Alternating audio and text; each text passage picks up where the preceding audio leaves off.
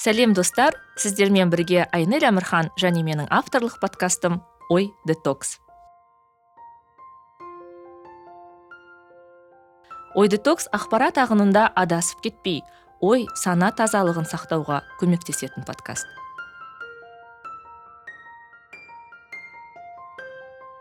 Сәлем сәлем достар. Ой детокс әлеміне қош келдіңіздер. Менің арнама жазылмаған болсаңыздар міндетті түрде жазылыңыздар өздеріңіздің ұнаған эпизодтарыңызға лүпіл басып комментарий қалдыруды ұмытпаңыздар. Себебі бұл сіздердің үш төрт бес минут уақыттарыңызды алады. Ал менің жұмысыма мен үшін өте маңызды. Себебі бұл тыңдармандарымның көрермендерімнің қатарын көбейтуге көмектеседі. Сондай ақ баршаңызды ой детоксты қолдаушылар қатарына қосылуға шақырамын. Оны патреон арқылы жасай аласыздар. Қазірдің өзінде бірнеше патрондарым бар. Олардың қолдауы маған осы эпизодтарды жазып монтаждауға ә, үлкен көмек көрсетеді. Барлық ақпарат хабарламада. Ал ә, бүгінгі эпизодымда менде ерекше қонақтардың бірі қазақстандағы ең жас адвокат аида өтесін. Аида ой детоксқа қош келдіңіз. Көңіл күйіңіз қалай? Сәлем айнель көп рахмет шақырғаныңызға. Көңіл күйім тамаша. Керемет. Мен мысалы пиар саласында енді ұзақ уақыттан бері жұмыс істеймін ғой. Сондықтан өзіңді маман ретінде алға жылжыту үшін сарапшы ретінде алға жылжыту үшін қандай да бір фишка ойлап табуың керек деймін да. Мысалы сіздің фишкаңыз ол ең жас қазақстандағы адвокат. Мысалы сіз өзіңіз солай айтасыз ғой. Және мені мысалы сізді оқуға сізді бақылай бастауға қызығушылығым танытқан осы бір сөз. Бұл сіздің фишкаңыз ба? бірақ шын немесе шын мәнінде қазақстандағы ең жас адвокатсыз ба? Э, мен қазақстандағы ең жас адвокаттардың бірімін. Э, менімен жасты менен бір жас үлкен адвокаттар да бар. Бірақ менің жақындарымның көбісі маған ең жас адвокат ең жас адвокат деп барлығы солай тани бастағандықтан мен қарсы болмадым осы сөзге. Бірақ мен өзімнің инстаграм парақшамда ең жас адвокаттардың бірі деп жазып қойдым. себебі шынымен де солай. Ал кімнің енді қай айда туылғанын есептеп жүрген жоқпыз осы уақытқа дейін. Иә. бірақ өзімді әлемдегі тек қана қазақстандағы емес ең жас адвокаттардың бірі деп санаймын. Шынымен де солай. Себебі бұл салаға көбісі орта жаста егде жаста келіп жатады. Ал мен бірден универден соң келдім. Қалай сонда сіз солай шешім қабылдадыңыз? Мысалы бізде ә, мен енді ұзақ жылдар жұмыс істеу тәжірибем бар. Мысалы тіпті мен подкастты осыдан төрт жыл бұрын бастай бастағанда маған әлі ерте мысалы тіпті ютубқа шығу иә немесе қандай да бір кездесулерге шақырса біліммен бөлісуге айтамын да қойшы мен әлі тәжірибе жинамадым ғой деп. Осы жерде бір сіздің ә, бойыңыздағы осы қасиет да маған? Ойбай маған тәжірибе жинап қандай да бір уақыт өткізу қажет деп ойлаған жоқсыз. Бірден университеттен кейін ә, жаңағы лицензия алуға тапсырыс бердіңіз. Оған не түрткі болды сізге? Бұл жерде бірнеше себеп бар. Біріншіден ол әрине психологиялық тұрғыдан жан дүниемдегі иә екі мың он екінші жылы мен жетінші сыныпта оқып жүрген кезде жылдың басында мені ә, көлік соғып кеткен болатын. содан кейін мен бірнеше ота жасады маған. Мен үш ай гипспен жаттым жүрген жоқпын. Бір жыл мектепке барған жоқпын үйде оқыдым. Ә, сол кезде сондай бір қиын сәттерде адамдар ой, ой ойы өзгереді дейді ғой өмірге көзқарасы менде сондай болды. Мен ойлана бастадым жалпы. Мен кіммін не үшін бұл өмірге келдім? Ә, мен өліп кетсем де болатын еді бірақ мен тірі қалдым. Өлімге жақындаған сайын адамдардың жалпы өмірді бағалауы өзгереді екен. Сол кезде мен түсіндім бұл менің өмірім. Мен қалай қалаймын? Сол өмір сүргім келеді нені сүйемін сонымен айналысқым келеді. Және маған ата анам туған туыстарым достарым осыда үлкен қолдау көрсетіп келеді әлі күнге дейін. Ал екіншіден ә, бұл әрине құқық саласында иә. Мен сегізінші сыныпта вот жетінші сыныпта үйде бір жыл жатқаннан кейін сегізінші сыныпта қайта келгенде өзімді табуға тырыстым өзіме не ұнайды. Оған дейін мен сурет салуға биге әнге дауысым бар жоқ бәріне бара беретінмін. Бірақ кейін өзіме не ұнайды жаныма жақын деген ой келді. Солмен ғана айналысамын деп шештім. Себебі сегізінші сынып орта жас уже мектептегі. Сосын мен дебат клубына бардым э, сегізінші сыныптан дебат ойнай бастадым. Э, сол кезде сулейман демирель университеті бізге үлкен қолдау көрсетті менің мектебіме. Менің мектебім шамалған ауылында каскелеңге жақын. Сондықтан университет бізге қолдау көрсетті. Сол кезде мен университетте оқитын көптеген заңгерлермен таныстым. Юрфактың студенттерімен. Олардың оқып жүргендеріне қарап қызығып ал олар өз тарапынан маған өте үлкен қолдау көрсетті. Енді мен сегізінші сыныпта оқимын ғой маған кім болғың келеді қандай олимпиадаларға қатысасың осындай ғылыми жобалар бар соған қатыссаңшы ә, дебаттар турнирларға жүр біз сені алып барамыз ата анаңнан сұрап алып кетейік сондай. Бұл жерде де үлкен қолдау да. Мен дебат ойнай бастағанда түсіндім маған көпшіліктің алдында сөйлеген ұнайды өзімнің ойымды дәлелдеген ұнайды әртүрлі тақырыптарға сөйлескен ұнайды. Ал мен одан алдын журналист боламын деген арманым болған бірақ мен өзімде ә, орысша айтқанда обостренное чувство справедливости бар екенін байқадым. Мен білмеймін сондай өте объективті және шындыққа әрдайым күресетін адаммын. Сол себепті өзімді заңгер болуым жақсырақ болатын шығар деп ойладым. Жүрегім соған бет бұрды. Сегізінші сыныптан бастап құқықтану бағыты бойынша олимпиадаларға қатыстым. Сегізінші тоғызыншы оныншы он бірінші сыныптар бойы облыстық деңгейге дейін әртүрлі орындар алдым. Дебатта әртүрлі орындар алдым. Мектепте абсолют чемпион болдым. Қазақ лигасында. Ә, соның барлығының арқасында мен осы салаға келдім. Яғни мен өзімнің кім болатынымды сегізінші сыныпта таңдаған болатынмын. Сосын универге түскен соң әрине бірінші екінші курс дебат ойнадым. Сосын академик клабта болдым. Кейін ә, құқықтық клиникаға жұмыс ә, жасай бастадым. Ассистент ретінде. Біз қолжетімді заңгер деген акция бастадық. Қарасай аудандық сотында тегін қызметтер көрсеттік адамдарға консультация бердік. Қарапайым адамдар келеді мынау қалай мынаны қалай жазып жіберсем болады. Ал біз студентпіз бізге о практика және біреуге көмегіміз тигіземіз. Бұл пробоно деп айтса да болатын иә, шығар. иә, сондай қызметтер бастадық. Сол кезде мен түсіндім адамдарға жаным ашиды екен. Жанашырлығым бір бар екен жүрегім түбінде. Яғни мен бейжай қарай алмаймын. Егер онда құқықтық проблема болса мен көмектесуге дайынмын. Оған өте үлкен күш керек деп ойлаймын тағы да және бұны айтуға ұялмаймын. Өзін өзі мақтап жатыр деп иә, көрініп иә. қалуы мүмкін. Бірақ мен өзім соған келдім сондай ойға. Ә, үшіншіден мен сотта дебаттан кейін сотта выступать сотта сөйлейтін заңгер болғым келді. Ә, тек қана шарттармен отыратын тек қана қандай да бір құжаттар толтырып отыратын заңгер болу маған жараспайды екен. Мен бір орында отыра алмайтын адам маған міндетті түрде сондай бір экшн керек. Ә, сондықтан сотта сөз сөйлеуге тіл байлығым да жетеді жалпы мінезім де сәйкес келеді дегендей. Сосын ойлана бастадым қалай мен тезірек сотқа шықсам болады? Себебі мен оқып жүрген кезде төртінші курста өзгерістер енгізді. Сотта сөз сөйлеу үшін сен ә, заң консультанттар палатасының мүшесі болу керексің немесе адвокат болу керексің немесе ә, компанияның атынан шығу үшін оның қызметкері болу керексің. Бірақ тек қана сол компанияның атынан шыға аласың. Сосын мен ұзақ ойландым. Ә, бір компанияда отыра алмаймын. Ол түсінікті болды. Ә, заң палатасының ә, мүшелікке ену үшін маған түсіндіргені бойынша бірнеше палата минюст екі жыл тәжірибе керек дипломмен. Ә, енді заң бойынша негізі солай. Бірақ қазір көбісі универ кезінде екі жыл жұмыс істеп те кіріп жатыр екен. Менде өтілім болғанына қарамастан мен кіре алмадым. Ә, енді оған мүмкін өзім де кінәлі шығар білмеймін. Бірақ заң бойынша қалай мен солай жасағым келді. Yeah, иә, себебі ә, еңбек жолымды былайша айтқан кезде тазамен бастағым келді. Сосын сосын қарасам адвокаттық лицензия алу үшін тағылымдамадан алты ай да өтуге болатын мүмкіндік бар екен. Неге байқап көрмеске деп адвокаттық кеңсеге жұмысқа орналастым? Студент кезіңізде? Иә ә, төртінші курс әлі диплом алмадым төртінші курстың аяғында. Сосын екі ай азаматтық істер бойынша жұмыс жасағаннан кейін маған түсіндім бір нәрсе бәрібір жетіспейді.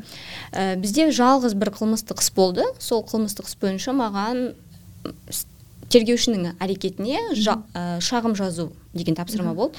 Мен ана шағымды білмеймін сондай керемет бір көңіл күймен отырып жаздым. Сосын мен түсіндім маған қылмыстық істер мүмкін жаныма жақын шығар. Мен төрт жыл бойы азаматтық бағыт бойынша жұмыс жасаймын деп дайындалдым. Енді аяқ астынан қылмыстық істерді көргім келіп қалды. Мен айттым мен әлі даже универ бітірмедім. Неге көрмеске. Сосын қылмыстық істер бойынша адвокаттарды қарастыра бастадым. Соның арасынша диплом алдым. Енді ол кезде еще дипломный проект тапсырып Иә, иә. жүрміз ә, толқулар неше түрлі диплом алдым. Да құжаттардың бәрін жинадым. Ә, адвокаттар алқасына барып тапсырдым. Енді ойладым кімге жібереді? Негізінде соған барасың жетекші ретінде. бірақ мен ойладым өзің жетекші таңдауға болады екен ғой сұрауға. Неге болмасқа? Сол кезде маған ә, танымал адвокат жухар өтебеков инстаграмда жазылды. Мен а, знак деп ойладыңыз. Иә мен айттым о құдайым ау осындай танымал адам маған жазылды. Ал мен ол кезде инстаграмды өте белсенді жүргізбеймін де. Ал ол менің адвокаттық кеңседе жұмыс жасайтынымды көрген ол сол адвокаттық кеңсені біледі таниды сосын мен қызығып жазылған «М, жас маман деп. Ә, сосын мен жухарға жаздым. Жухар қайырлы күн кімді кеңес бере аласыз? Ә, мен сондай қылмыстық істер бойынша тәжірибе жинағым келеді стажировка өткім келеді адвокат болғым келеді деп. Қандай мақсаттарыңыз бар деді. Өзімнің мақсаттарымды жаздым. Қылмыстық істерді үйрену иә тәжірибе жинау. Ол айтады «М, қалай жұмыс істеуге дайынсыз? Мен айтамын мен бәріне дайынмын ол айтады «Ә, сіз жұмыспен және стажировкамен үлгересіз ба қатарынан мен айтамын мен бәріне үлгеремін егер қаласаң бәріне үлгересің. Сосын ертең кездесейік деп біз кездестік. Бірден бір көргенде мен оған ұнадым. Ол бірден иә мен сіздің жетекшіңіз болуға дайынмын деді. Сосын өтініш хат жазып адвокаттар алқасымен келісіп үш жақты шартқа отырдық. М, стажировкадан өту тағылымдама иә қазақша тағылымдамадан өту туралы джохар менің жетекшім болды.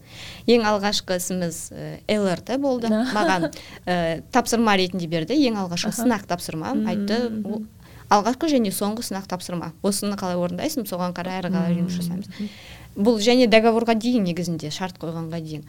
Мен уайымдап бірақ енді бар күшімді салып жауапкершілікпен қарап бәрін жасадым. М, жухарға менің қалай жұмыс жасайтынымды ұнады. Болды ешқандай сынақ жоқ. Шартқа қол қоямыз деді. Сонымен солай басталған болатын. Сосын мен келген кезде маған сол тапсырманы берген сәтте мен түсіндім. Қылмыстық істер маған жаныма табиғатыма көбірек жақын екендігін себебі бұл жерде бәрібір кішкене бір әлеуметтік жағы да бар істің иә сондай жариялылығы жария құқық қой негізінде қылмыстық. Ал азаматтық құқық бұл Аха. құқық. Ә, сол жариялығы да бар. Сонымен қатар қоғамдағы қандай да бір әлеуметтік мәселелерді қозғайды. Және бұл жерде іздену керек дәлелдеу керек күресу керек. Ал мен сондай воин духа дейді ғой менде Иә. негізі сондай бар екен бір самурайский дух. Маған күрескен ұнайды екен да неге екенін білмеймін. Сондықтан өзімді осы жолда таптым. Ә, қазір де өзімді өте жа- жақсы сезінемін құдайға шүкір. Ә, және осы үшін айналамдағы адамдардың бәріне үлкен алғысым білдіремін. Және кез келген адамға өзін осылай өмірде өз орнын табуды тілеймін. Сондықтан ерте кеші жоқ біреуге ерте біреуге кеш. Бірақ мен өзім үшін қуаныштымын. Иә жарайсыз шын мәнінде. Меніңше бұл үлкен ә, жаңағы өзіңе деген сенімділік және әйтеуір бір мәнісі болады ау деп күтіп отпай иә өзің қалаған мақсатыңа қарай қадам басу мысалы бұл жерде жаңа айтып жатсыз ғой мен бүйтіп көрдім сөйтіп көрдім.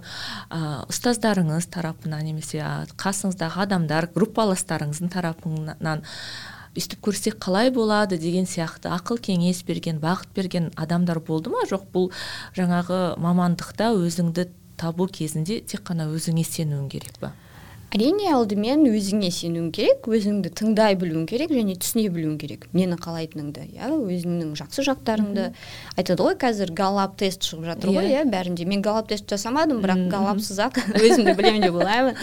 Ә, өзіңнің жақсы ба- ә, ба- қабілеттеріңді біліп иә өзіңде н- не жасай алатыныңды білу өте маңызды.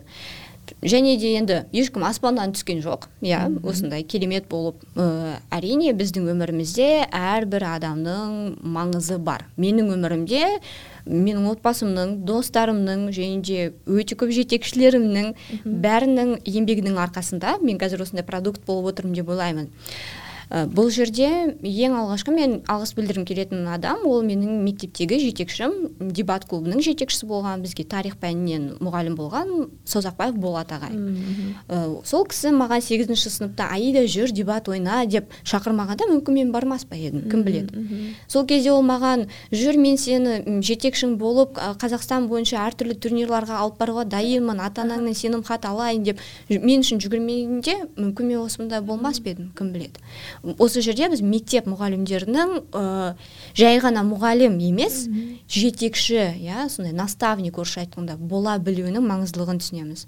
Екіншіден универдегі әрбір мұғаліміме әрине алғыс білдіремін. Ә, және де ең үлкен алғысты білдіргім келеді. Ол менің ә, құқықтық клиникада жетекшім болған ә, аманқожаев айдын ағай.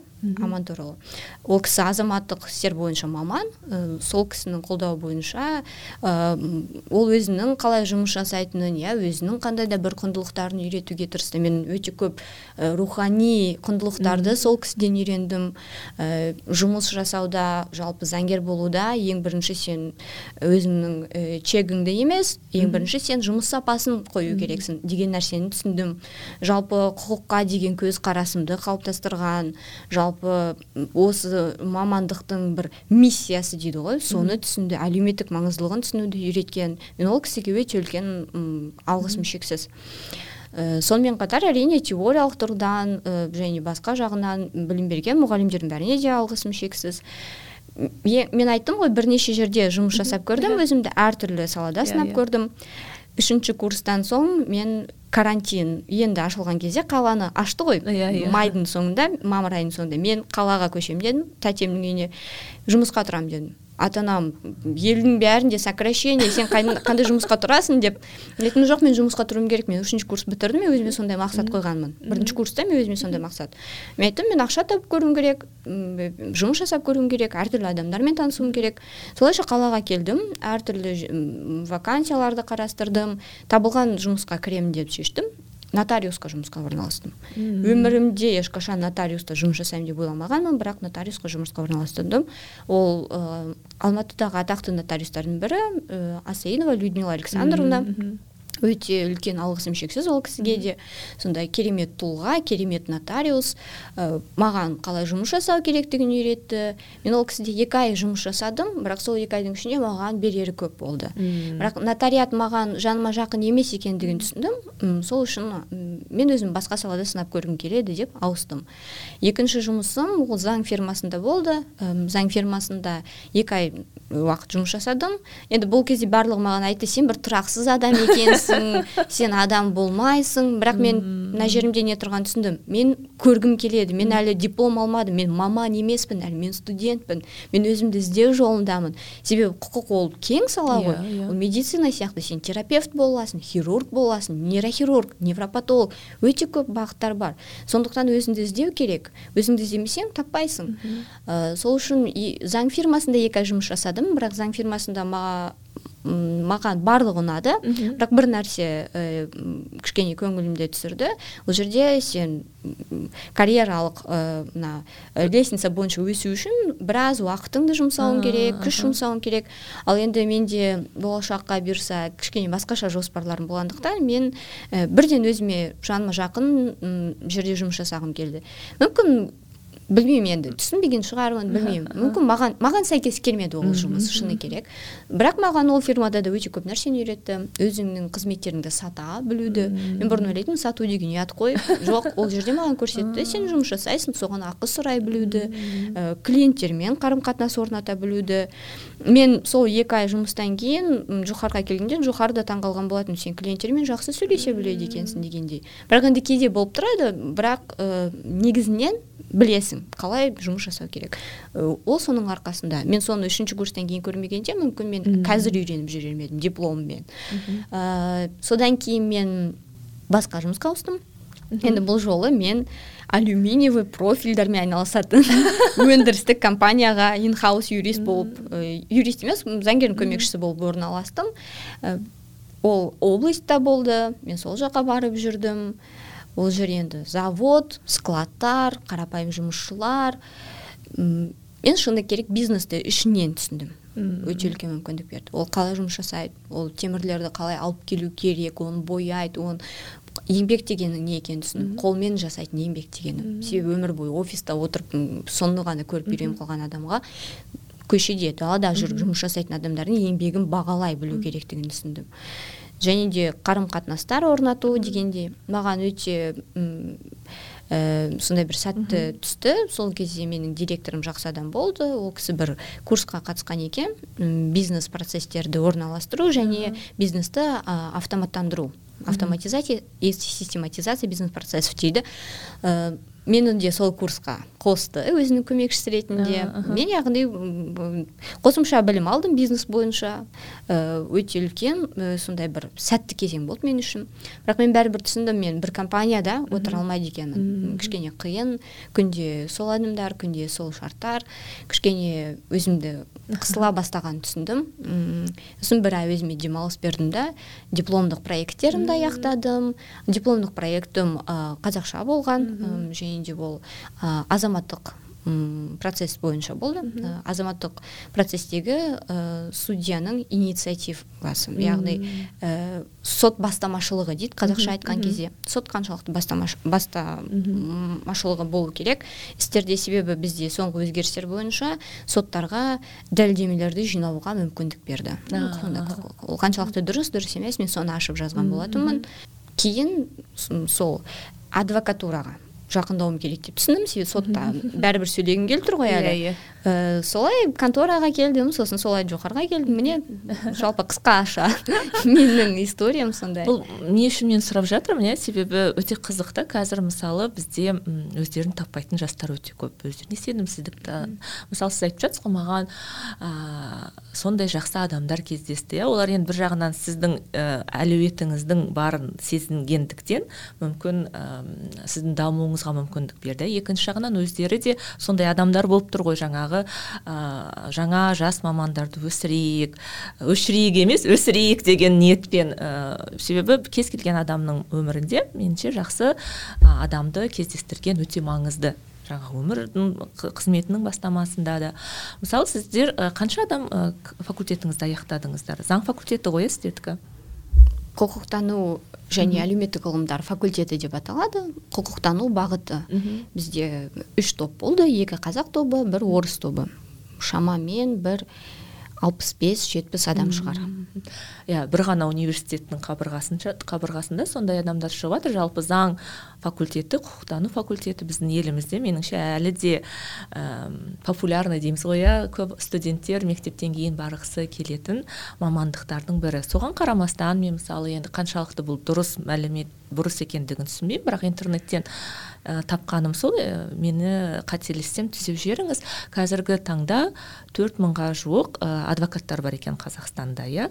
Оның мысалы қазақстан көлеміне шақсақ бір әрбір төрт жарым мың бес мың адамға бір адвокаттан келіп тұр ғой. Неге адвокатураға адамдар аз келеді? Немесе бұл қалыпты жағдай ма бұл норма ма? Ә, мен де нақты санын білмейді екенмін бірақ жалпы сіздің сұрағыңызға жауап берейін. Адвокатура негізінде ә, құқық саласының ішіндегі ең бір күрделі сала деп айтса болады. Неге себебі бұл жерде жауапкершілік өте үлкен. Яғни саған ешкім жалақы беріп отырмайды. Сен гонорарға өмір сүресің. Ал гонорарың болу үшін сенде клиенттер болу керек. Ол клиенттерді тарту үшін сенің беделің болу керек иә? Сондықтан бұл ә, былайша айтқан кезде өте сенімділік болмаса кішкене қиын жол. Сонымен қатар ә, азаматтық істер бойынша адвокат болу міндетті түрде қажет емес негізінде. Сен заң консультанттар палатасына тіркелсең жеткілікті. Иә? Ал қылмыстық істер бойынша адвокат болу міндетті ал қылмыстық істер ол кішкене ауыр сала деп айтса болады моральдық тұрғыдан. Себебі бұл жерде адамның өмірі тағдыры ә, үнемі дедлайндар себебі орнатылған нелер бар ғой сроктар да ә, мерзімдер. Ә, сол ә, және де мен ойымша сол гонорар және де үлкен жауапкершілік. Себебі адвокаттық құпия деген түсінік бар. Оларды жариялағаның үшін жауапкершілік бар.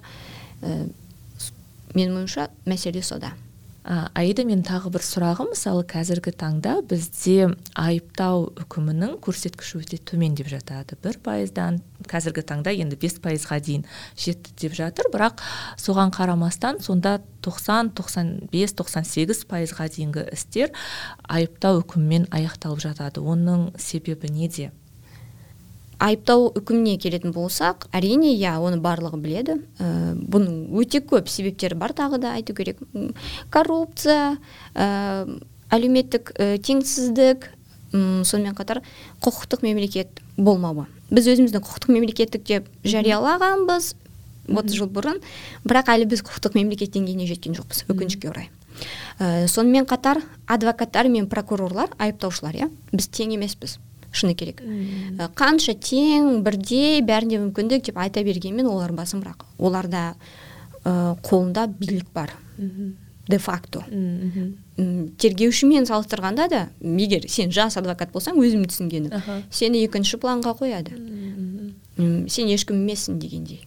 Ә, сол себепті адвокаттардың жұмыстары адвокаттарға да соңғы уақытта қысымдар көрсетіліп жатқандар бар. Мысалы ә, олар бір жерде бірдеңе жазса болды артына түсіп алатындар бар. Сонымен қатар ә, осы жақында біздің ә, республикалық адвокаттар алқасының төрағасы айдын бекебай мырза қозғаған карманный адвокаты деген түсініктер де бар. Қызыл адвокаттар деп айтады. Мемлекетке жұмыс жасайтын адвокаттар. Мен ойлаймын ондай адвокаттар мүлдем болмау керек. Неге? Себебі олар өзінің клиентінің мүддесіне жұмыс жасамайды. Олар берген сертіне антына тұрған жоқ. Ә, олар мен білмеймін ол қалай атауға болатынын әрине да бірақ ондай адвокаттар бар мүмкін солардың да бұл жерде үлесі бар шығар ә, сонымен қатар ә, тағы бір себебі әрине бұл ең кішкентай себеп шығар мүмкін бізде құқықтық санасы төмен ғой халқымыздың өкінішке орай yeah, иә, yeah. Иә. осы орайда адамдар қалай қорғалу қарай өзін қорғау керек екендігін түсіне бермейді yeah. Иә. кейбір адамдарда жоғарғы сот деңгейіне жеткенде ғана а мені айыптап жатыр екен ғой мен қорғалу керек екенмін ғой деген бір сондай түсінік туындайды да. А оған дейін жоқ мен кінәлі емеспін деген сөзден басқа адамдар еш нәрсеге бара алмайды. Әрине бұл эмоционалдық тұрғыда мен өте қатты түсінемін ол адамдарды. Қиын кезең. Саған қылмыстық іс былай тұрсын азаматтық іс болғанның иә. өзінде адамдар білмеймін шыр пыр болып жүреді ал қылмыстық іс ол ауыр өте. Ә, сол себепті де бізге адвокаттардың жұмыс жасау сапасын арттыру керек деп айта аламын. Сонымен қатар халқымыздың құқықтық сауаттылығын көтеру керек. Себебі біз құқықтық мемлекетке жету үшін халықтың да құқықтық сауаттылығы мен мәдениеті ең болмағанда орта деңгейде болу керек. Біз әлі де тіпті оған да жеткен жоқпыз. Ә, осындай бірнеше көптеген себептер бар. Ә, мүмкін жиырма жыл тәжірибемен жиырма жылдан кейін басқаша жауап беру мүмкін шығар. Бірақ менің түсінгенім және менің күнделікті өзімнен үлкен ә, әріптестеріммен талқылайтын тақырыбым осы. Осындай көп себептер бар. Қалай енді адамдардың жаңағы құқықтық деңгейін иә сана сезімін дейік көтеруге болады? Мен жаңа бір нәрсе айта кетейін тағы да жаңағы қосымша. Бізде соттардың деңгейі де төмен екенін айта өту керек. Мен ә, қылмыстық істерді қазір қазақша да орысша да жүргізетін адам ретінде айтқым келеді. Қазақша мен үкімдерді оқыған кезде көзімнен қан ағады. Неге? Себебі ә, грамматикалық қателіктерді есептемегенде судьяның қазақша сөйлей алмайтындығын түсінесің. Қазақша түсінбейтін ойланбайтын адам қалай ол істі жүргізген қалай шешім шығарған деп те таңғаламын. Сондықтан бізде жалпы әрине мен ә, бәріне қара жапқым келмейді бірақ ә, бізде барлығы айтып жүр ғой. Қазір ә, жоғарғы сот та оны қолға алып жатыр иә. Соттардың сапасын көтеру мәселесі де тұр. Тағы да бір көптеген себептердің бірі. Құқықтық сауаттылықты арттыруға келетін болса ә, мектептерде ә, адам қоғам құқық деген сабақ бар. Сол сабақтарды ә, ең болмағанда құқықтану бағытында оқитын студенттерге өтуге мүмкіндік беру керек. Ә, сонымен қатар құқықтық клиникалардың жұмысын арттыру керек деп ойлаймын. Себебі студенттер біз өз кезегінде адамдарға ең болмағанда бір жылда біз бір елу шақты адамға нақты көмектестік одан бөлек ә, жай консультация бергендеріміз де бар. Соның өзінде адамдарға қандай пайда болды? Адамдар ең қарапайым қалай алимент өндіру керектігін білмейтін адамдар болды да мысалы.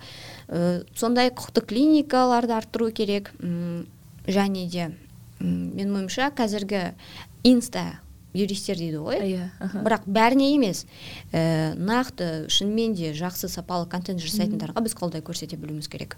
Ол себебі заман талабы.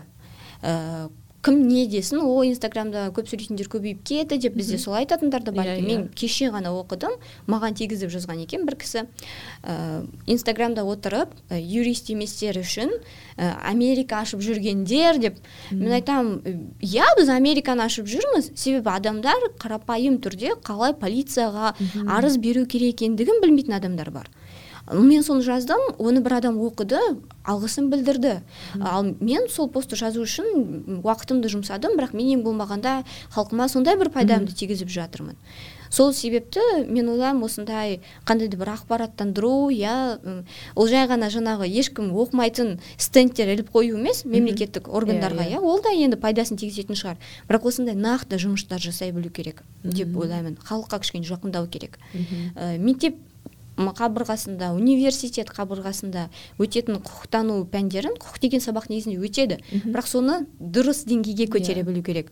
Мектепте мен құқықта адам қоғам құқық деген сабақта шарттар туралы оқығанмын ол маған керегі не? Маған менің орысша айтқанда базовый құқықтарым туралы түсіндіріңдерші. Баланың құқығы қандай? Адам өлтіруге болмайды. Біз осы мәселені де қорғаймыз. Менің ә, маған қылмыстық құқықтан сабақ берген алмас жұмағали мырза үнемі қозғайды. Адам өлтіргендігі үшін біз 14 жастан бастап жазалаймыз. Бірақ неге біз мектеп қабырғасында балаларға сен адам өлтіруіңе болмайды деп айтпаймыз? Ол ұят ол баланың психологиясына кері әсер етеді. Бірақ құдай сақтасын ол біреуді өлтіріп қойса немесе біреуді зорлап қойса біз оны жауапкершілікке тартамыз ғой.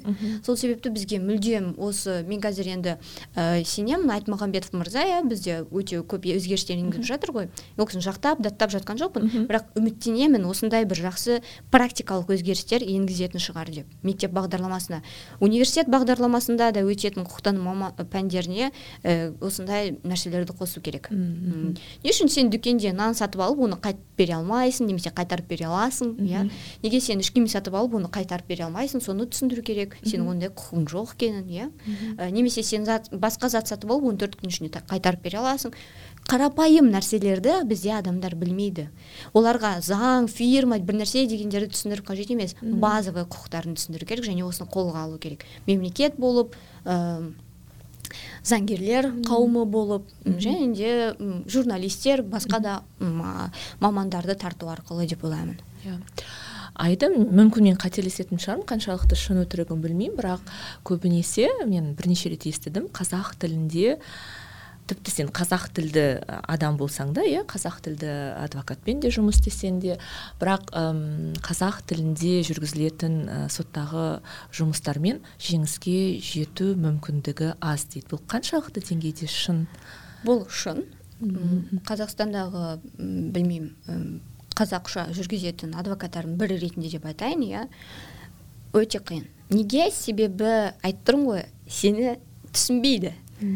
Мықты судьялар мықты прокурорлар олар бар бізде. Мен оны да жоққа шығармаймын мықты судьялар мықты прокурорлар мықты тергеушілер көбінесе орыс тілділер көбінесе орысша жүргізгендер. Енді оның тарихи себептері болуы мүмкін иә? Қандай да бір енді ә, біз жоққа шығармаймыз ғой бізде орыс тілі қолданыста екенін мен орыс тілін аттап қолдап жатқан жоқпын. Ә, бірақ ә, сондай адамдар сені қазақша түсінбейді. Сондықтан сен амал жоқ орысша барасың. Бірақ ә, егер менің клиентім қазақша жақсы түсінетін болса мен айтамын қазақша кеттік. Неге? Себебі біз түсінеміз ғой қазақша. Ал біз жазамыз ғой қазақша. Ә, олар да түсінсін оларды үйретейік. Міне. Егер судья мүлдем түсінбей жат, түсінбейтін болса отвод жасауға болады әрине. бұл жерде қандай мәселе м, тұрады? Тіл деген сондай енді біздің жан дүниемізбен иә биологиялық тұрғыдан бізбен байланысты зат болғаннан кейін сен бірдеңені жанымен түсіну үшін сен сол тілде сөйлеу керексің иә? Ә, сондықтан бұл жерде сондай шынымен шындық бар. Шыны керек.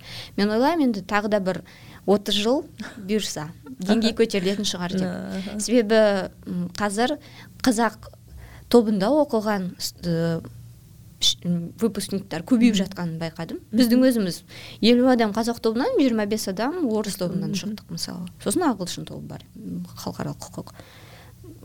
Мен ойлаймын қазақ тілінде құқық беруді көтерсек бізде қазақ тілін жақсы білетін қазақ құқықтық қазақ тілінде сөйлей алатын жақсы заңгерлер көбейеді. Осы мәселені де соңғы уақытта қозғап жүрмін. Ә, қазақ тілінде құқық беруді деңгейін көтеру керек деп. Мысалы ә, қандай да бір жағдайға тап болсаң адвокатты қалай табасың? Мен ә, сіз маған енді көп сілтемелер жібердіңіз ғой қарап танысып шықсаңыз болады деп мен бәріне қарадым. Мұқият оқып шықтым демедім себебі тілі өте күрделі бірақ ә, шолып өттім. Сол жерде бір сілтемеде жаңағы қаз, ә, адвокаттар алқасындағы адамдардың тізімі көрсетілген. Иә сонда сен жалпы кіресің де сол тізім бойынша қалаған адамыңды таңдайсың ба? Немесе қалай қалай жұмыс істейді бұның бәрі? Иә әрине.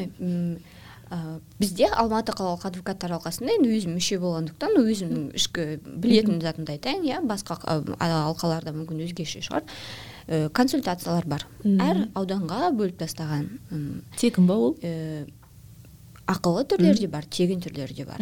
Егер сізге тегін адвокат керек болса сондай тегін қызмет көрсететін адвокаттарды сұрайсыз. Адвокаттар алқасының сайттары бар. Сол сайтта контакттер бар соған хабарласып маған азаматтық іс бойынша қылмыстық іс бойынша адвокат керек еді десеңіздер қандай тілде барлығын сұрастырып сізге осындай осындай адвокаттар бар деген сондай ақпарат иә, береді. иә ақпарат береді. Ә, неге назар аудару керек бірақ адвокат таңдағанда? Біріншіден әрине тілге ә, себебі барлығы қазақша жүргізбейді деп айттым ғой. Ал екіншіден енді сіздің ісіңізге байланысты. Мысалы мен және джухар өтбеков біз қылмыстық істер бойынша жұмыс жасайтын адвокаттармыз біз азаматтық істер бойынша мүлдем жұмыс жасамаймыз. Ал бар адвокаттар қылмыстықты да азаматтықты да алып жүретін. Сондықтан сіз сұрауыңыз керек сіз азаматтық іс менде. Жүргізесіз ба немесе менде әкімшілік іс сіз жүргізесіз ба деп. Соны басында анықтап алу керек. Ә, сонымен қатар үшіншіден енді әрине қалтаңызға қарайсыз. Ә, себебі адвокаттардың да ақылары бөлінеді иә. Жоғарғы ә, чектегі адвокаттар бар орта алатындар және төмендегі. Ә, сол өзіңізге ыңғайлысын таңдайсыз әрине. Бағасы бойынша да келісе білу керек. Себебі қылмыстық іс болсын азаматтық іс болсын бір күнде шешілетін мәселе емес. Бір айға созылуы мүмкін екі айға созылуы мүмкін. Ақы мәселе мәселесі иә? Ол менің ойымша қалыпты жағдай. Ә, осындай үш ә, негізгі объективті жалпы критерий деп айтайық. Ал енді төртіншіден өзіңізге ұнағанына байланысты. Сіз жаңа айтып жатырсыз ғой бір адам қанша ә, сондай сәйкес келу не адвокаттар аз деп. Негізінде адвокаттар көп ә, юристтер де көп иә? Егер сізге жай консультация керек болса юристтен сұрасаңыз болады. Ал істі жүргізу адвокат. Азаматтық істер бойынша жай заңгер таңдасаңыз болады иә? Немесе адвокатты. Қылмыстық іс бойынша тек қана адвокатты сондай таңдауға мүмкіндіктер бар негізінде. Соны іздестіре беру керек. Бірақ сондай сөз бар ә, бухгалтерлерді ә, юристтерді және де ә, дәрігерлерді көбінесе сарафанный радио бойынша табады иә. деген. Біз танимыз сенімді адам бар ма? Солай табады көбінесе. Мен ойлаймын ол бір жағынан дұрыс деп. Иә. Енді джохар джохар деп жатырмыз ғой иә? Мысалы джохар еліміздегі танымал ә, адвокаттардың бірі иә? Тіпті оны народный адвокат деп айтады иә? Қазақстана деп енді орысша айтатын болсақ. Ә, меніңше джохар белсенді. Жаңағы әлеуметтік қазір енді бәсеңдеді белсенділігі бірақ жалпы бірнеше жыл бұрын тіпті бір жыл бұрын өте белсенді. Фейсбукта жетпіс мыңға жуық ә, жазылған оқитын оқырмандары бар. Сіздің меніңше жолыңыз болды иә сондай адаммен жұмыс істеуге.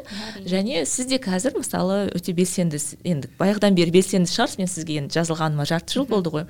Ә, жаңағы қандай да бір мәселелерді айтасыз өз өміріңізде өте сапалы жүргізесіз. Себебі сіз тек қана қандай да бір іс міне проблема масқара масқара емес өзіңіздің өміріңізді де көрсетесіз.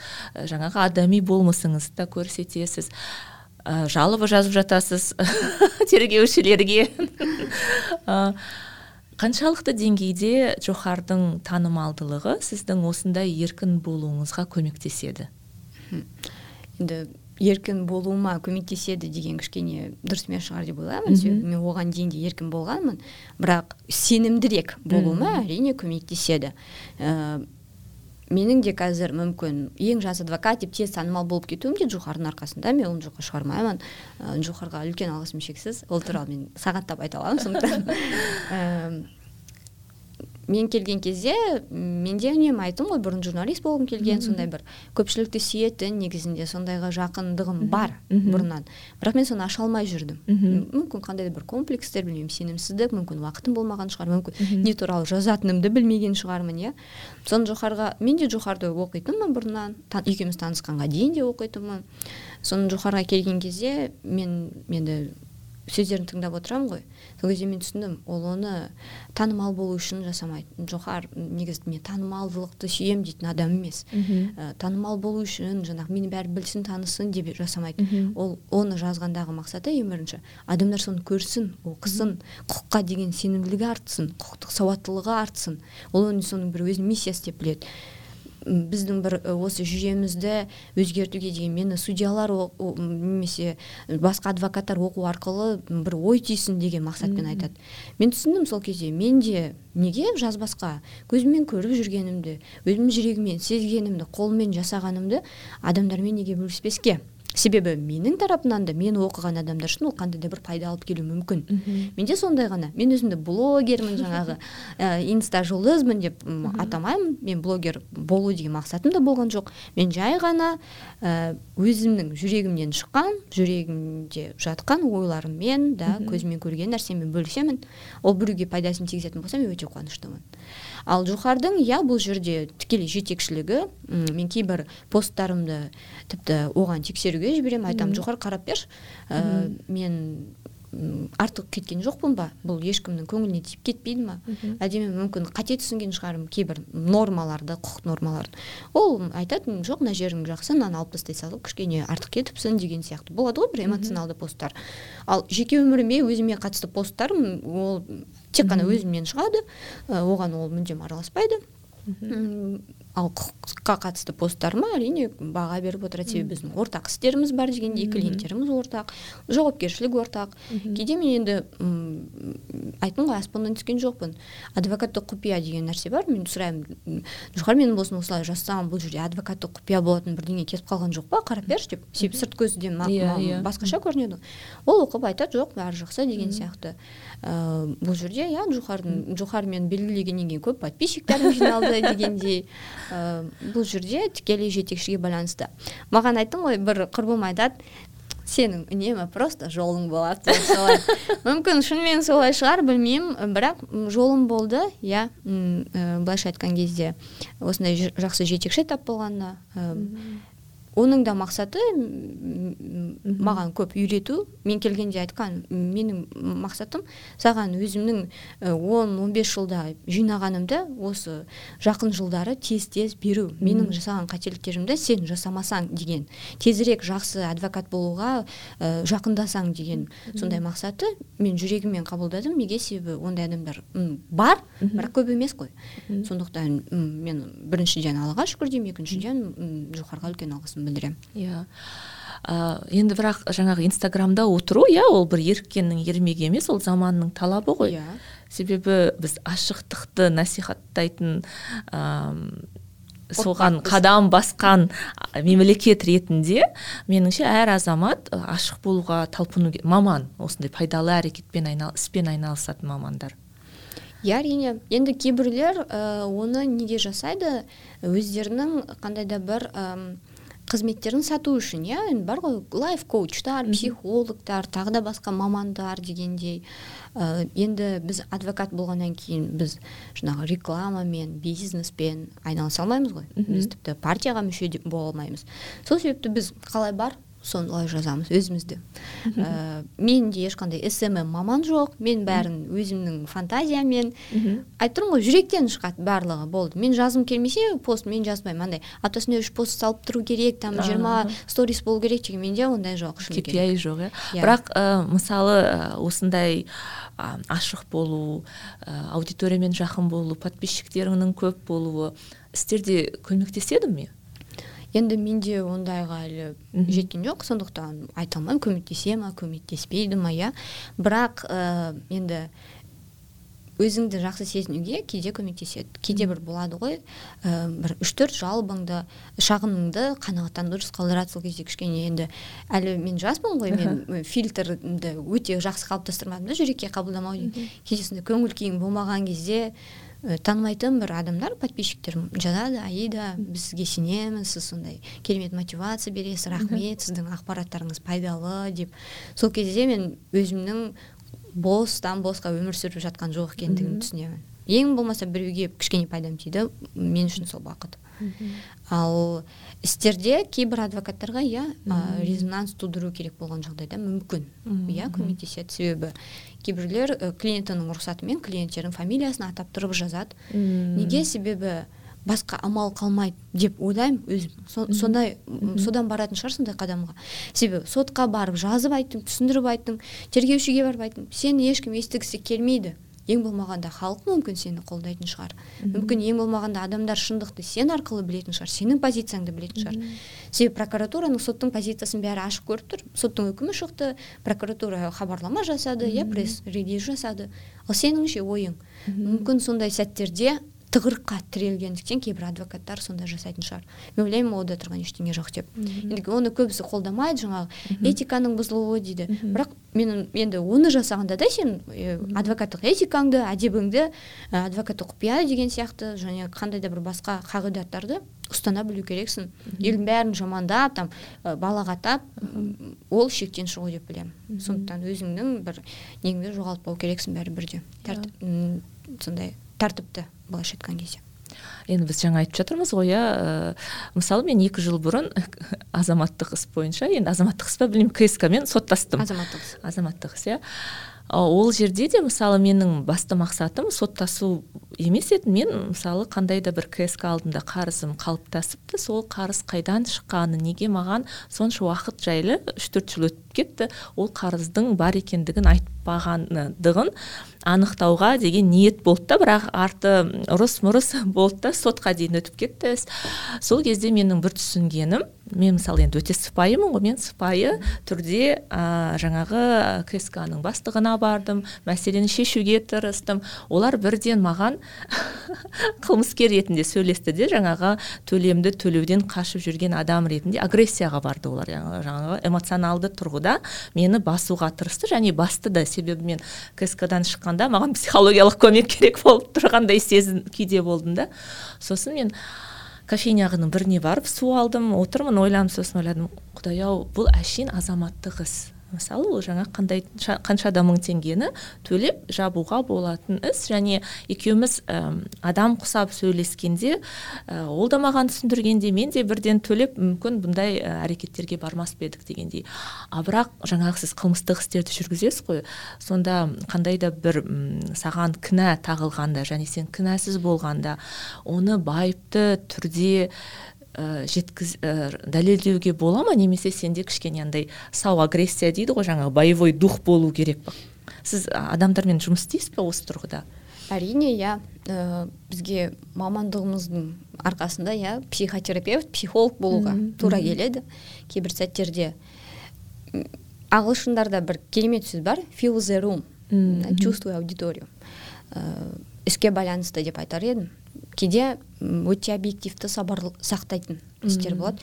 Кейде боевой дух керек. Бірақ негізінен негізінен ә, негізінен берілмеу керек және де сондай бір өзіңді қорғаймын деген ниет болу керек. Және объективті тұрғыдан түсіне білу керексің барлық мүмкіндіктерді. Адам кінәсіз болып жоқ мен бұны жасамадым деп жылап депрессияға түсіп жүргенде оған көмектесу өте қиын. Сондықтан клиенттерімізге ә, біз үнемі моральдық тұрғыдан қолдау көрсетуге тырысамыз. Және де біз түсіндіріп айтамыз. Бірінші жоспар осындай екінші жоспар осындай үшінші жоспар осындай осылай болса осылай барлығын түсіндіріп адам түсінбеген кезде қиналады ғой. Мысалы сізде менің ойымша түсінбедіңіз қайдан қарыз пайда болған сол үшін көп күшіңіз соған кетті. Қайдан қайдан? Адамдарда да сондай. Сондықтан біз мына қиын құқықтық тілдегі заңдарды қарапайым тілмен түсіндіріп осындай осындай мүмкіндіктер бар деп барлығын ашып айтуға тырысамыз. Енді біз тікелей психолог психотерапевт болмағаннан кейін әрине өте қиын ішіне кіріп барлығын реттеп беру. Бірақ біз сондай кеңестер береміз. Ә, бұл жерде мен кеше ғана осы туралы пост жаздым. Менің жұмысым ол клиентке бас, ауду, бас ауруын тудыру емес. Оған керемет жақсы тиімді шешімдер ойлап табып беру.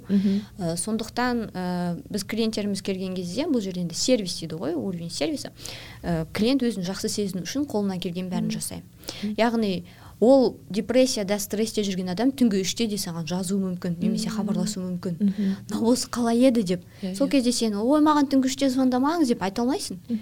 Мен айтамын иә алло иә түсіндіріп беремін. Неге себебі ол менің жауапкершілігім деп білемін. Енді оны кейбіреулер ой ол деген өзіңмен құрбан ету деп солай біледі. Бірақ мен осы мамандыққа келер кезде мен адвокат болардан алдын мен түсіндім ғой жауапкершілігін. Мен барлық жағдайларын иә объективті қарай білдім. Бұл да өте маңызды кстати. Ә, сондықтан мен білдім. Осындай адамдармен жұмыс жасайтынымды. Осыған дайын болдым. Секінші жауапкершілік алдым. Себебі ол адамдармен үнемі байланыста болу керек телефонды өшіріп жоғалып кетсең білмеймін қиын сияқты. Маған осы жақында менің бір таныс апайым хабарласты ода да бір азаматтық іс жүріп жатыр екен. Ә, енді адвокатыңыздан сұрасаңызшы сізде адвокат бар ғой десем адвокатым қазір отпускте маған жауап бермейді дейді мен өте қатты таң қалдым. Себебі мен де бір апта демалыста болдым алдын менің әріптестерім де иә джухар мысалы. Бірақ біз үнемі байланыстамыз.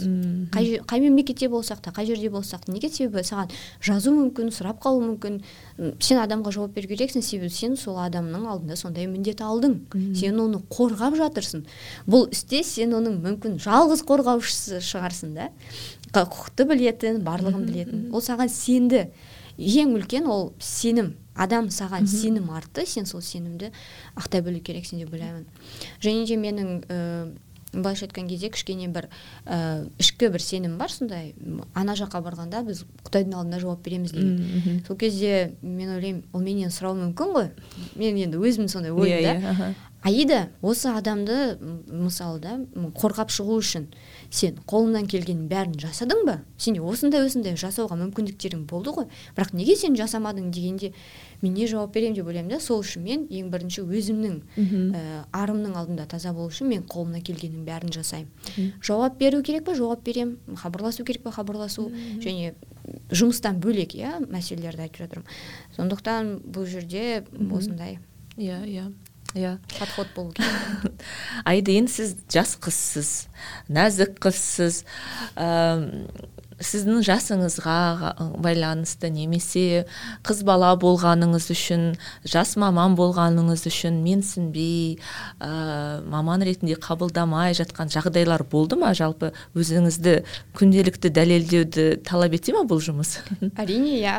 Ә, енді айттым ғой менімен жастай адвокаттар бар. Ә, бірақ енді олар ә, бірақ көбісі жігіттер мен өзіммен жаста әлі қыз адвокат кездестірген жоқпын әйтпесе сұрайтын едім. Жігіттер де енді кішкене оңайырақ енді олар жігіттер ғой кішкене бойлары да ұзын ірі денелі дауыстары ірі дегендей. Ал мен енді өзім түрімде бөпе. Иә сондай бөпе сияқтымын. Ыыы онымен қоса осындай нәзік арық кішкентай негізінде білмеймін мамандығымен вообще феномен сияқты әрине болды ондай жағдайлар. М енді білмеймін. Кішкене қызық ситуация. Бұған бірақ мен бұған дайын болдым. Неге себебі? Айттым ғой оған дейін де жұмыс жасаған жерлерім болды. Сол жерде де маған сен кішкентайсың ғой сен қызсың ғой деп қарайтын адамдар болған. Бірақ бұл салада маған сен қызсың ғой ә, деген адамды әлі кездестірген жоқпын. Мүмкін бақытыма орай мүмкін білмеймін да. Бірақ ондайлар бар деп айтады. Алишер елікбаев бір рет қалжыңдап негізі ер, ер бала ер адвокат таңдау керек деп қалжыңдаған болатын. Екеуміз бірге допросқа барғанбыз. Ә, сол кезде мен күлемін ғой бұл не деген сексизм бұл деп. Сөйтсем ол қалжыңдап жатыр. Енді ол кісінің де сондай бір сарказмы ғой әзілі. Негізінен енді мен тікелей кездестірген жоқпын бірақ жасыма байланысты көп дискриминацияға ұшырадым. Ә, прокурорлар болды менің клиентіме қарап сіздің адвокатыңыз өте жас мен оның компетенциясына сенімді емеспін деген. Ал менің клиентім маған қарады да прокурорға қарады да мен оған сенемін ол менің адвокатым деді. Мен сол кезде өзімді білмеймін өте керемет сезіндім. Клиентіме рахмет. Ә, және де білмеймін маған деген сенімі рахмет. Енді ол кісі допросқа барғанға дейін мен мен консультация алды ғой мүмкін сол консультацияның арқасында түсінген шығар мен жай жүрген адам емес екенімді иә.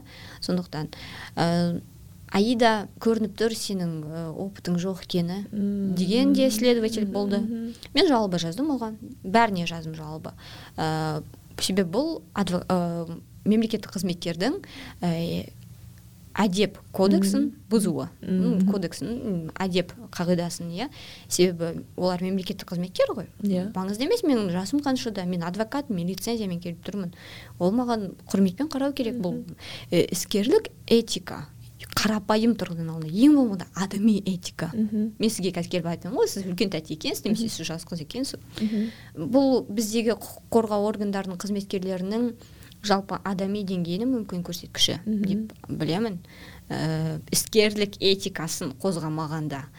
Менде маңызды емес жас деп ойлай ма ә, кәрі деп ойлай ма. Мен ол мен бір жыл болды адвокаттық салада жүргеніме. Ә, майдың бесінен бастап адвокатпын иә. Иә мен жиырма жылдық опытым жоқ бірақ менің оқыған тоқығаным бар. Ә, мен мемлекеттік аттестаттаудан өттім. Мемлекет менің ә, адвокат болуға лайықты емес деп ойлайтын болса маған лицензия бермейтін еді. Егер коллегия мені ә, жоқ бұл сәйкес келмейді деп ойлайтын болса мені мүшелікке қабылдамайтын еді.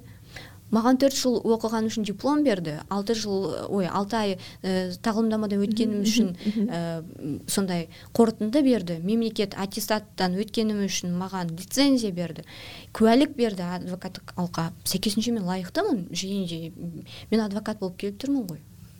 Мен бұл жерде енді жүрегіме қатты қабылдап жылап сөйткен жоқпын. Себебі мен мен жаспын мен жиырма екідемін. Менде бір күн бір қызық оқиға болған. Тағы да бір следователь маған осындай қылмыстық кодексті алып алған. Бетіме тура осылай жақындап келіп маған айғайлап мен он жыл болды жұмыс істегеніме ал сен екі ай ғана адвокат болып істеп жүрсің дейді. Сосын мен тұрдым да иә содан? Иә мен екі ай адвокат болып жұмыс істеп жүрмін содан не өзгерді это факт. Оған ешкім қарсы шығара алмайды не істейміз енді бірақ айтамын менің клиентім мына параққа қол қоймайды себебі ол міндетті емес. Бұл оның құқығы. Не үшін сіз оған олай қысым көрсетіп жатырсыз? Біз бұл жерде маған бір кісі түсіндіріп берген үлкен ағайым ғой мен неге олар олай жасайды десем олар айтады олардың ә, сондай бір эгосына тиетін шығар мүмкін. Мүмкін тактикасы иә, шығар. мүмкін кіп кішкентай жас қыз иә. келіп өзінше болып ақыл айтып тұрғанға оларға кішкене ауыр тиетін шығар. Мүмкін қорқытып қысым жасағысы келетін шығар бірақ ә, құдайдан басқа ешкімнен қорықпаймын бірден айтайын. Сондықтан маған айғайласын білмеймін ұрсын ондай да ситуациялар болады екен. Ұруға әрекет жасасын білмеймін. Ә, бірақ менің мына жерімде тұрған шындыққа әділеттілікке деген ә, сенімді және стремление дейді ғой бір бет бұруды талпынысты ешкім тоқтата алмайды. Иә енді бізде ә, жаңағы сол ә, қорқыту үркіту тактикасы көп қолданылады ғой кез келген жерде. Және біз адам ретінде өзіміздің ә, сот жүйесіне ә, сенімсіздік тан әділет министрлігіне ма білмеймін ғой енді. Ә, сенімсіздік танытқаннан кейін біз өзімізді кез келген жағдайда мен қазір енді толық қазақстандықтардың басым адамдарының атынан айта аламын. Қорғансыз сезінеміз иә өзімізді сенімсіз сезінеміз. Оған да бір жағынан біздің жаңағы құқықтық сауаттылығымыздың төмендігі де әсер ететін шығар біздің реалиялар әсер ететін шығар жаңағы коррупция деген сияқты. Бірақ өте жақсы әңгіме болды. Мен ә, өзіңізбен танысқаныма қуаныштымын айда және сізге жұмысыңызда табыс тілеймін. Осындай тазалықты шынайылықты мынандай ә, күш жігерді сақтауға ә, тілектеспін ұзақ жылдарға. Жалпы өмір бойлық қызметіңізге себебі ә, мен мысалы қазақ тілінде ә, сөйлейтін жақсы сөйлейтін ойын айтатын мамандарды өте жақсы көремін. Және ә, ондай мамандардың көптеп елімізде қалыптасу заңдылық деп ойлаймын және болу керек деп ойлаймын. Сондықтан өзіңізбен танысқаныма қуаныштымын. Жалпы джохармен кездейсоқ кофейняда пробежкадан келе жатып кездесіп мысалы біз осы тіл мәселесі жайлы сөйлескенбіз екеуміз. Неге қазақ тілінде адвокаттар аз неге істер алға жылжымайды деген сияқты әңгімелерді қозғағанда өзіңізді тапқан болатынмын сол арқылы. Сондықтан алға егер қандай да сұрақтар болса иә көрермендердің сізге инстаграмға иә. жазылып енді шектен шықпай сұрақтар қоюға болады деген сенімдемін.